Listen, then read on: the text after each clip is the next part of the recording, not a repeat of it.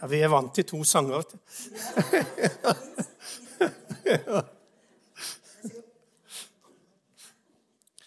Vi er jo vant til at det liksom eh, eh, Det går sånn som det skal gå. Eh, og da er det var det to sanger før innledning, og så en innledning, og så en sang eller to. Så litt etter der igjen så er det kanskje predikantens tur. Ja, ja. Fint å se dere i alle fall. Jeg vet ikke om jeg kan gi den samme garantien som Cecilie om kort møte. Altså, nå har jeg fått slippe til tidlig. Det er ingen ledninger på plattforma her. Så det er full mulighet til å bevege seg og, og sånn. Og når en da ikke har preka så forferdelig mye på en stund, så, så får vi jo se hva dette blir. ja da. Godt å være sammen, dere. Um, vi skal fortsette i den hovedtematikken uh, som uh, har uh, vært hos oss en stund. som, som har som utgangspunkt, og der det står at skal være, vi skal være leda av Gud til å dele med andre. og den undertittelen som jeg har fått i dag, den heter 'Be om en åpen dør'. Be om en åpen dør. Og Da er teksten fra Kolosserbrevets fjerde kapittel egentlig bare ett vers, det tredje verset, men jeg skal lese tre vers.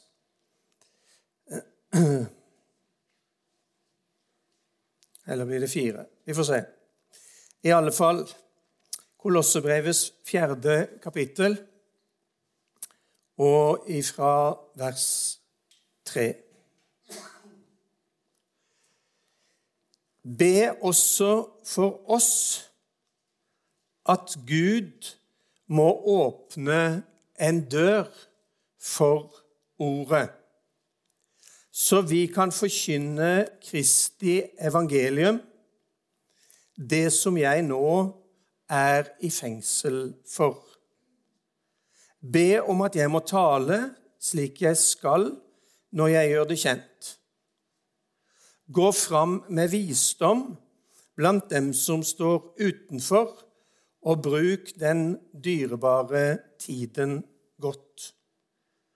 La alt dere sier, være vennlig, la det ha salt og kraft så dere vet hvordan dere skal svare hver enkelt. Så takker vi deg, Herre, for ditt ord. Og så ber vi om en åpen dør. Og vi ber om åpne hjerter. Og vi ber om at ditt ord må få lov til å virke din vilje i våre liv. Vi ber om det i Jesu navn. Amen.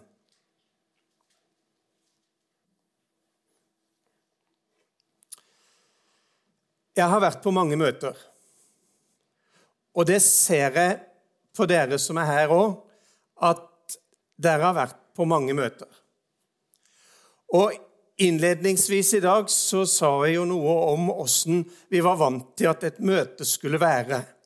Og for oss som har gått på mange møter, Eh, så er det mye som er gjenkjennelig. Eh, vi har liksom vår liturgi, selv om vi formelt sett ikke har noen liturgi. Eh, så blir det jo litt sånn. Og jeg har vært Jeg tror nok jeg, jeg tør si at jeg har vært på, på noen tusen møter der det har blitt bedt inderlig til Gud. Spesielt, tror jeg Jeg har iallfall tatt det til meg sånn for predikanten før han liksom skulle slippe til. Og hva har det blitt bedt om da? Jo, Herre, gi en åpen dør i ditt ord og for ditt ord. Og så mye annet velsigna godt rundt det. Men akkurat den formuleringen den hører ikke så veldig ofte nå lenger, men i mange mange år så gikk den liksom igjen.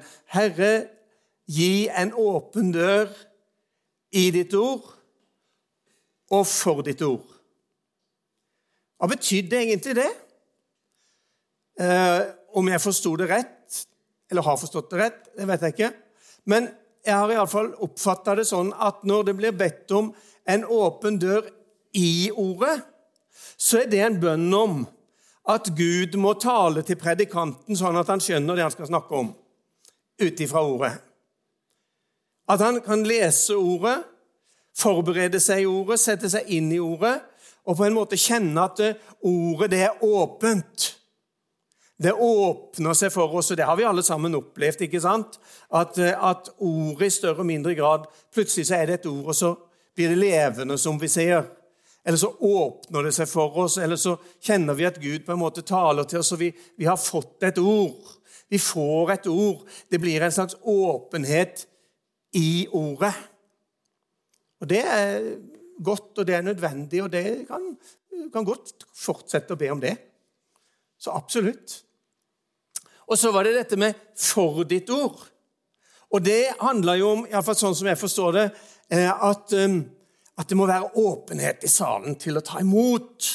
At vi som sitter og hører, må være åpne og mottagelige. At vi må være til stede, eh, sånn at det budskapet som formidles, det, det, det, det går inn. Og det finner grobunn i hjertene, og at det, at liksom er åpent. Og, og vi som snakker senest med Geir om det ut forbi her før vi gikk inn for noen få minutter siden. Om dette her med å være i et åpent møte. Altså, vi, vi elsker det som, eh, som, vi kaller for åpne møter, uten at det kanskje er så lett å sette noen definisjon på hva det er. Men, men iallfall vi som står her oppe, vi kjenner nok eh, vi kjenner nok kanskje mer enn dere tror, eh, når det liksom er åpent. Og så Noen ganger så ser vi at ja, men i dag var det litt stengt, og i dag var det litt tungt. Men uansett, dere eh, Det som jeg har sagt nå, det, det handler jo egentlig om at vi ønsker å ha gode møter. Ikke sant?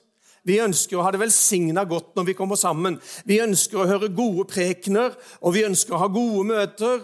Og vi ønsker å kjenne at det er salig og det er godt og, og, og alt det der. ikke sant? Og kjenne på at, at vi er i Guds nærhet.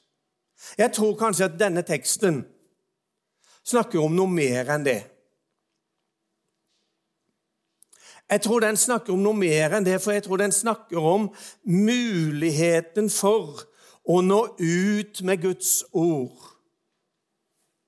Det sto litt lenger nede her til dem som står utenfor. Altså, Det er viktig. Jeg sier ikke at det ikke er viktig at vi har det salig og godt, for det er viktig at vi har det salig og godt. Og kommer sammen og kjenner at vi blir motivert og inspirert og, og alt det der. Men det er jo ikke nok at vi har det salig og godt. Bare her. Men vi lever sammen med noen andre mennesker som ikke er her, og som vi har et budskap å formidle til. Og Nå, nå sto det her i denne oversettelsen som jeg leste, om å formidle Kristi mysterium. Og Det høres jo veldig ut. Og Jeg tror kanskje ikke vi skal gjøre det så mystisk når vi skal formidle det til det som er utenfor, og gjøre det så veldig til et mysterium. Men egentlig, når vi er innenfor de fire veggene her, så er det mye mysterium i det som handler om Jesus. Og mysteriet ligger i det at det er større enn det vi kan fatte og forstå sånn umiddelbart. Vi, vi, vi, sprenger på en måte noen menneskelige grenser, og så løftes vi opp på et høyere nivå. Og så kjenner vi det at det, det, det er virkelig et mysterium. Men når vi, når vi ber om åpne dører, så tenker jeg at eh, det er mer enn i et møte. Men det handler om livet vårt. Det handler om hverdagen vår. Det handler om møtet vårt med mennesker i det daglige. At vi kan kjenne at det åpnes noen dører, åpnes noen muligheter for oss. Og når det mulighetene åpnes for oss, så er det om å gjøre En gammel oversettelse så sto det her 'kjøpe den beleilige tid'. Kjøpe den beleilige tid. Eh, altså Her sto det vel noe om at eh, Så dere bruker den dyrebare tiden godt. Det er noen sånne øyeblikk av muligheter, av åpne dører, som kommer til oss midt i hverdagen. Og det er det om å gjøre oss å bruke det. Jeg hørte for, eh, på, for mange år siden eh, Nokså nøyaktig 20 år siden fant jeg ut før det. Jeg fant en gammel preken som var akkurat 20 år gammel. Det er godt å ha noe å ta av dere. Eh, men for, eh, for sånn omtrent 20 år siden så hørte jeg på et misjonsforedrag, eller noe sånn i den retning. Og jeg husker ingenting av hvem det var som holdt det. Og jeg husker veldig lite av innholdet, men jeg husker overskriften. Og overskriften på det var følgende Doors are for walking through. Altså, dører er til for å gå igjennom. Dører kan være fint, det fint å se på, men det er ikke det som er hovedhensikten med en dør. Dører kan eh, det gå an å se gjennom, men det er ikke det som er hovedhensikten heller med en dør. Men hovedhensikten med en dør, det er at vi skal gå gjennom den. Og når en dør er åpen, så er den åpen for at vi skal gå gjennom den. Jeg skal nå videre ta oss med inn i en kjent historie og bruke den for å belyse noe av det jeg har lyst til å prøve å få sagt i kveld. En kjent historie fra apostelgjerningene kapittel 12. Jeg skal ikke lese den, men jeg skal, jeg skal bruke den eh, som en, noen, hente noen ting derifra. Eh, om teksten kommer opp, eller du vil slå den opp for å sjekke at jeg ikke er helt aldeles på villspor, eh, så må du gjerne gjøre det. Og hvis det Herre skal brukes i smågrupper senere, så må du helt sikkert lese teksten. Men, men Apostlenes gjerninger, kapittel 12 Vi er i Jerusalem. Det er ca. år 44 etter Kristus.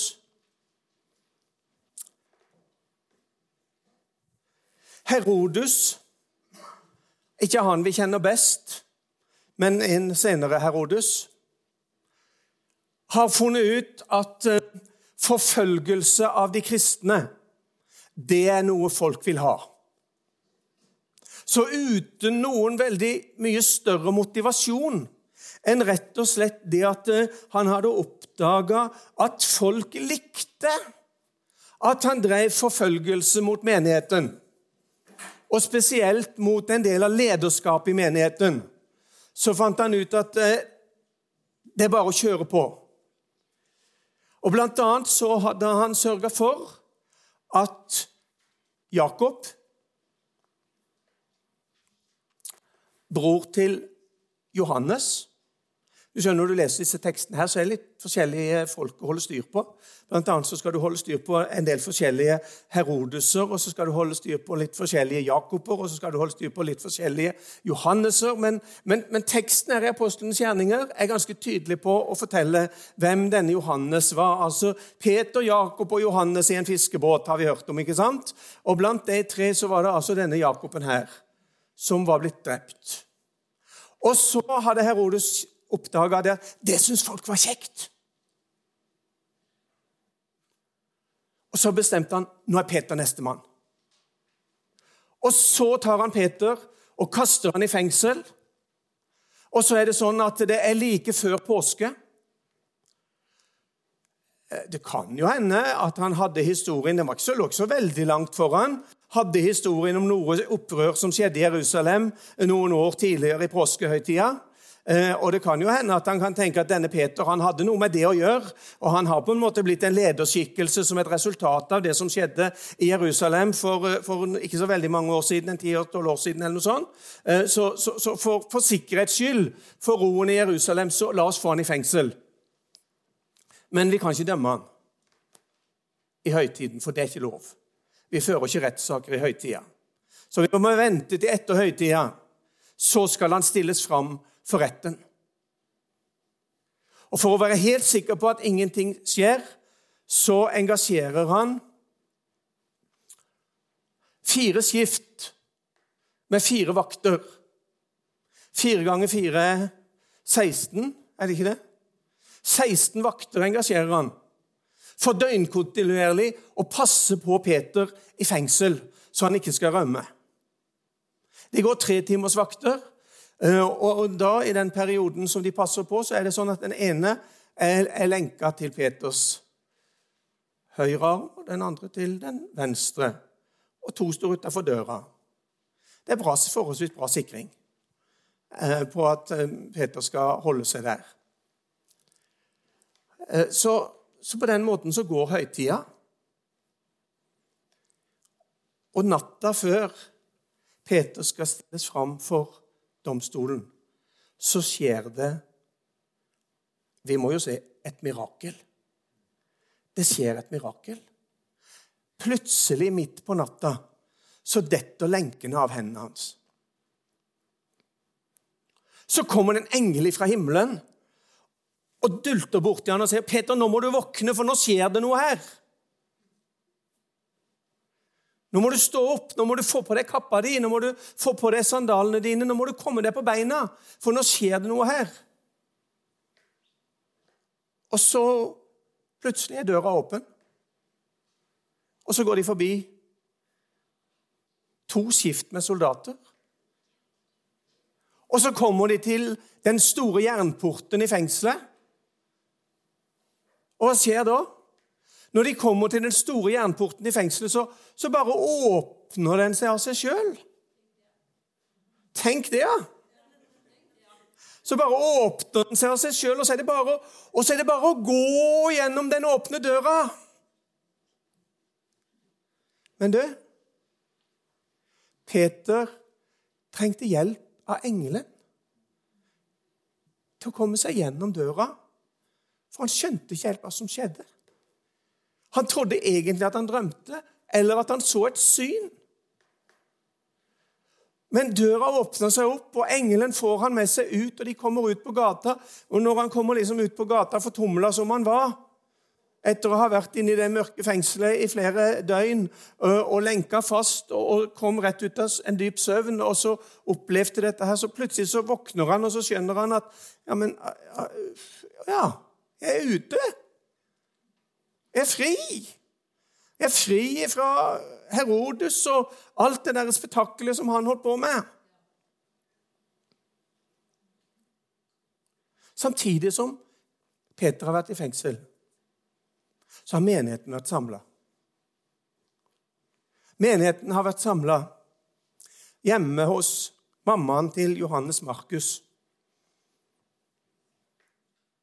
Det er en annen Johannes, for det er han som heter Markus han som har skrevet Markusevangeliet, og som egentlig har skrevet Markusevangeliet litt sånn på vegne av Peter. Det er han Johannes Markus som vi leser om senere, som reiste på misjonsreise sammen med Paulus, men som, eh, som lengta hjem til mamma. og Så dro han hjem igjen fra misjonsreisa, så ble det splid og splittelse og, og, og mye greier. Det, det, det er han Johannes Markus. Han vokste opp i et hjem i Jerusalem der menigheten samles. Han hadde en god oppvekst i menigheten, og hjemme i hans hjem der var hovedbasen for menigheten.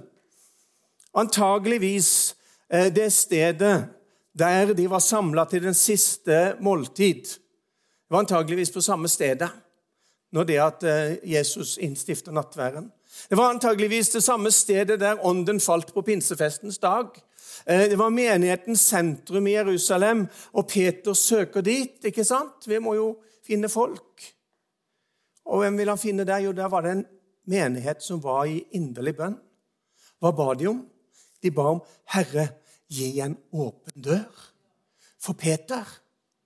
Gi en åpen dør for Peter, sånn at han kan bli fri, sånn at han kan komme ut, sånn at han kan tjene, sånn at han kan være til stede og forkynne ditt ord og det gode budskapet om Jesus til menneskene.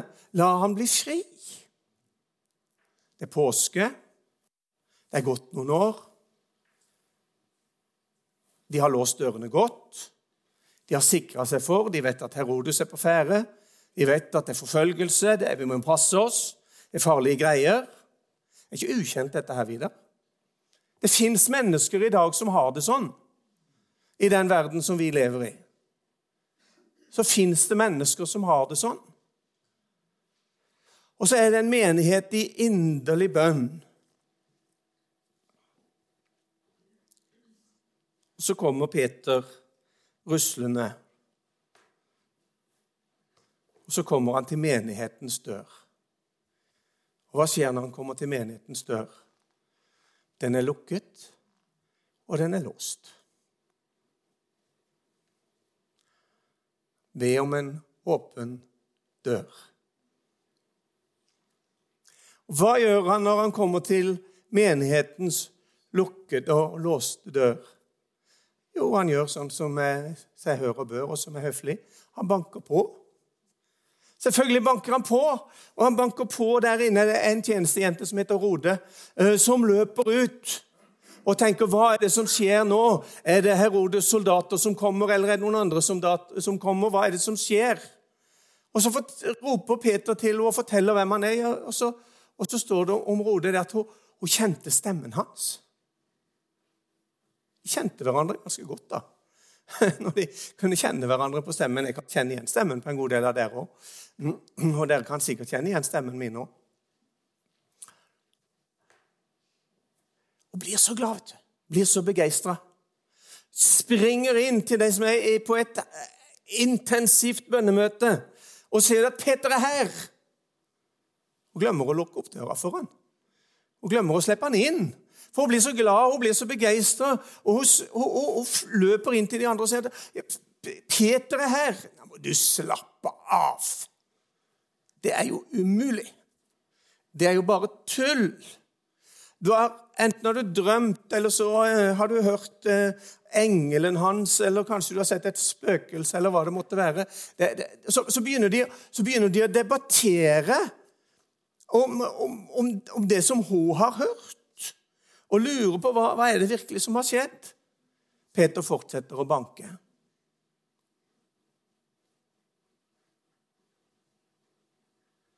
Så står det at de, de glemte å åpne bare glede. De, de, de, hadde så salig bønnemøte at de glemte å åpne døra for han som sto utafor. Og hvem var det som sto utafor? Det var bønnesvaret som sto utafor. Går det an, da? Å ha så salige bønnemøter at vi glemmer å ta imot bønnesvaret? At vi glemmer å åpne døra? At vi glemmer å slippe inn? At vi er så begeistra for vår egen salighet at vi har det så åpent i ordet og for ordet og så herlig og flott og godt at vi glemmer at vi må åpne døra for at bønnesvaret skal komme inn. Men så åpnes jo selvfølgelig døra etter hvert.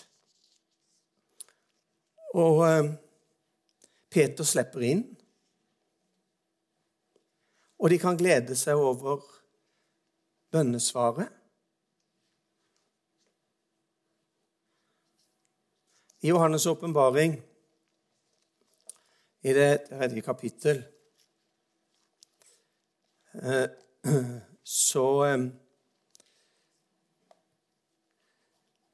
står det i et av det som vi kaller for sendebrevene, det som er skrevet til menigheten i Filadelfia så taler Gud til menigheten, og så sier han eh, i, eh, i, vers 7 Dette sier den hellige og sannferdige, han som har Davids nøkkel Han som åpner så ingen kan stenge, og stenger så ingen kan åpne. Jeg vet om dine gjerninger. Se, jeg har satt foran deg en åpnet dør som ingen kan stenge til. Dere, det fins en som åpner der ingen kan åpne. Det fins en som åpner dører som menneskelig sett er så stengt at det er ingen mulighet til å få de opp. Det er en som åpner så ingen kan stenge. Og når han åpner, da må man gå. For dører er til for å gå igjennom. Så i det øyeblikk du og jeg opplever at Gud den allmektige han åpner en umulighetsdør til naboen, til kollegaen, til den du møter på veien, til den du tenker at eh, han er sånn, og hun er sånn, og det er så vanskelig, og det er så håpløst. De har sine meninger, de har sine det og det. Ja, det er sikkert helt riktig alt sammen, men det finnes én som åpner dører som ingen mennesker kan åpne. Derfor be om en åpen dør for ordet sånn at det kan formidles sånn som vi eh, Paulus han sier at jeg må, må formidle det sånn som jeg bør. Det er ikke alltid vi formidler sånn som vi bør. Og nå tenker jeg ikke først og fremst på oss predikanter. Det er klart Vi gjør våre feil, og det er ikke alltid vi formidler som vi bør når vi står sånn som jeg gjør nå, heller. Men det handler kanskje i enda større grad i møte med mennesker som Herren åpner dører til oss for, for oss til. Så er første skritt at når døra er åpen, så er døra til for å gå igjennom. Og når vi går igjennom en åpen dør, så er det ordet som skal formidles, budskapet som skal formidles, sånn som det bør. Og på hvilken måte bør det formidles? La alt dere sier, være vennlig. La det ha salt og kraft, så dere vet hvordan dere skal svare enhver. Gå fram med visdom. Gå fram med visdom. Vær vennlig, og la det du sier, være fylt av salt og kraft. Hva betyr det? Det betyr at du ikke bare snakker tull og tøys og nonsens og visvas. Men når Herren åpner en dør, at en kan få nåde til å formidle sånn som en bør. Unnskyld at jeg sier det. Det er utrolig mange i dag som formidler masse, spesielt på sosiale medier, som de overhodet ikke burde formidle ut ifra det å være et kristig vitne. Jeg kjenner at det, det, det, ligger meg på hjertet å få sagt dere. Så får dere tolke det sånn som dere vil. Men det kommer så mye som ikke er Kristus verdig, for å si det sånn, ut på sosiale medier.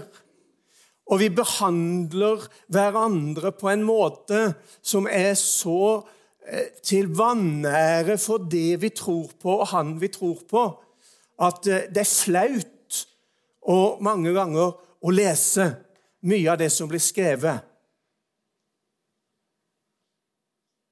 Omgås i visdom med dem som er utenfor.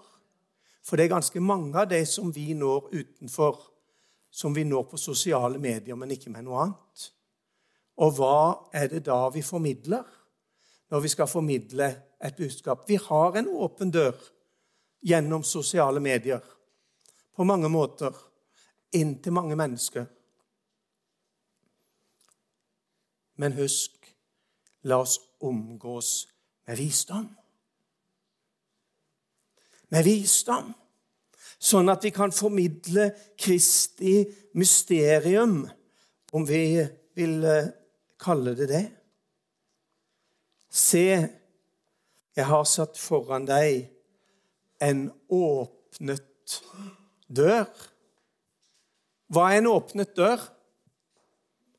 En åpnet dør er en dør som har vært stengt. Er det ikke det? En åpnet dør er en dør som har vært stengt. Den var stengt, men nå er den åpnet. Og den er åpen, og han som har åpna den, han er så allmektig at ingen kan lukke den til. Det som han har gjort, og det som han har åpna, det står, og det blir. Og da er det om å gjøre for oss at vi ser og vet dører er til for å gå igjennom. Hva hadde skjedd med Peter om ikke det var en engel som dulta han i sida og fikk våkna han opp og sa at 'Peter, kom igjen! Døra er åpen. Det har skjedd noe her.' Og Noen ganger så tror jeg dere at vi må være hverandres engler og hjelpere. Eh, hjelpe hverandre til å se at nå er det en mulighetenes dør som er åpna. Og når denne mulighetenes dør er åpna, så må vi gå. For hvis ikke vi går, så kommer vi oss ikke ut. Og hvis ikke vi kommer oss ut, så opplever vi og så ser vi aldri det som er på den andre sida av døra. Så vi er nødt for å gå, og vi er nødt for å gå gjennom døra, og vi er nødt for å komme ut på den andre sida for å se hva Gud har lagt ferdig for oss på den andre sida av den åpne døra. Dører er til for å gå igjennom.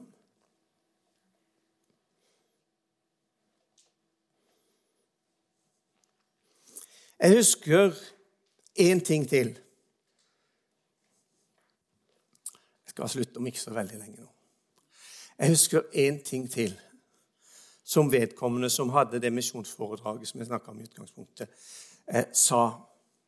Og det var at hun sa det sånn Muligheter eller åpne dører. Det kommer mange ganger til oss som pingpongballer. Ja, Hva mente hun med det? Jo, hun mente med det at uh, hvis du prøver å slippe ned en del pingpongballer på et bord sånn samtidig, uh, så kommer det ganske mange. Men, men, da er det om å gjøre at du klarer på en måte å fange en eller to eller noen av disse pingpongballene. For de kommer som gylne muligheter. Og hvis jeg ser en liten fugl som kommer til meg på gylne vinger, så plukker han ned med mine hender. Det er varmt, da. Hva handler det om? Det handler om at hvis det kommer en gylden fugl, en himmelsk mulighet, en åpen dør ifra himmelen, så må vi ikke bare la de alle sammen fly forbi, men da plukker jeg han ned. Og så går jeg igjennom den mulighetens dør som ligger foran, og som Herren har åpna for meg. For han åpner noen sånne mulighetenes dører. Jeg vil åpne dører for ham, sier Herren til profeten Jesaja. Jeg vil åpne dører. Og når Herren vil åpne dører, så spiller det ingen rolle om det er jerndører eller kopperdører eller umulighet eller håpløshetsdører. Men når Herren åpner dører, så er det om å gjøre for oss å gå. For på andre sida så ser han jeg vil gi deg skatter som er skjult i mørket, og rikdommer som er gjemt på litt merkelige steder. Som du ikke ser før du kommer gjennom døra. Og så var tekstutgangspunktet vårt i kveld. Be også for oss at Gud må åpne en dør for ordet, så vi kan forkynne Kristi mysterium. Må Gud velsigne oss til å be, til å gå, og vi skal få se at det er noe på den andre sida av gylne muligheter til å formidle mysteriet, evangeliet, budskapet om Jesus. Amen.